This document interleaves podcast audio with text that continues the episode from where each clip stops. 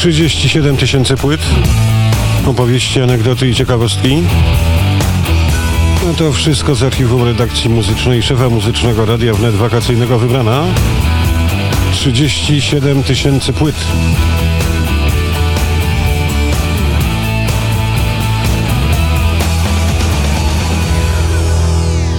Łukaszowi Jankowskiemu dziękuję bardzo za anons. Panie i panowie, wtorek, czwartek, historia jednej piosenki, a środową porą 37 tysięcy płyt. I zastanawiałem się, co też na dzień dobry tego muzycznego, wakacyjnego felietonu, czy przyjmie się po wakacjach, pożyjemy, zobaczymy. Więc stwierdziłem, że ostatni nabytek, który do mnie trafił i też uśmiecham się do słuchaczek i słuchaczy Radio Wnet, bo sporo nagrań jeszcze przed oficjalną premierą. Polska oficjalna premiera 9 lipca lipca, nieco wcześniej na Szmaragdowej Wyspie, ale my już wcześniej grywaliśmy nagrania z tej niezwykłej płyty. Dzisiaj w roli głównej ten ostatni nabytek w kolekcji tych 37 tysięcy płyt formacja Inhaler, czyli Inhalator, tytuł krążka It Won't Always Be Like This, czyli nie zawsze będzie tak jak dziś, a w rolach głównych, panie i panowie, Elijah Hewson, tak, tak, Elijah Hewson, nazwisko Hewson znane, związane z grupą YouTube, to przecież jeden z dwóch synów z czwórki dzieci, wokalisty, y, lidera, współzałożyciela grupy U2.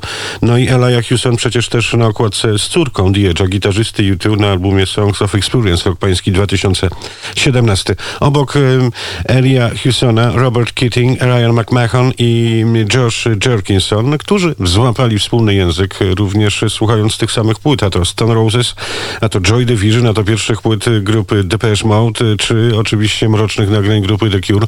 Jako jakoś dżentelmeni nic nie pisali o macierzystej grupie ojca Elijah Houstona, czyli U2.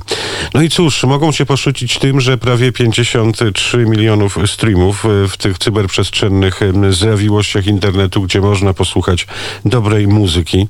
Do tej pory wszystkie ich koncerty, przynajmniej w Dublinie czy w Londynie, sprzedają się na pniu. No i cóż, ten album tak naprawdę miał się ukazać e, gdzieś e, jesienią ubiegłego roku, no ale lockdown wszystko po pokrzyżował.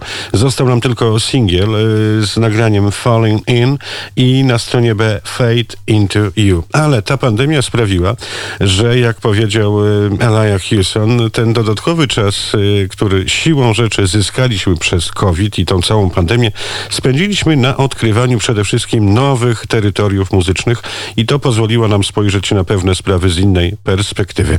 No i cóż, mieli już przygotowane nagrania, znane już powiedzmy z epek czy ze wspomnianego singla, ale stwierdzili, że nagrają ten album od nowa. No i powiem szczerze, że to jeden z bardziej ożywczych rockowych albumów y, ostatnich y, lat i powiem szczerze, że grupa Fountains DC, która w innej kategorii wagowej, choć też rockowej, wydała niezwykłości y, muzyczne, jak chociażby A Heroes Death w lipcu ubiegłego roku, ale większość moich muzycznych kompanów na Szmaragdowej Wyspie z pozdrowieniami dla dżentelmenów z sieci płytowej Tower Records mówią wprost.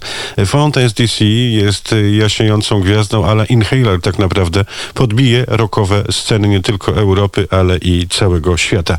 Panie i panowie, dzisiaj po godzinie 19 w audycji Polska Piosenka z dobrym tekstem, ale wakacyjną porą mieszamy też trochę z nowościami obszerne fragmenty z tejże płyty, a dzisiaj w felietonie Tomasza Wybranowskiego 37 tysięcy płyt nagranie tytułowe It Won't Always Be Like This. I co ciekawe, już pojawiły się niezwykłe murale gdzieś w okolicach Temple Bar. To ta niezwykła dzielnica, gdzie gąszcze restauracji, gąszcze pubów i kawiarni, które czekają już na totalne otwarcie na Szmaragdowej Wyspie, a gdzieś tam na ścianach właśnie yy, wizerunki czterech dżentelmenów, tak jak to na tej płycie.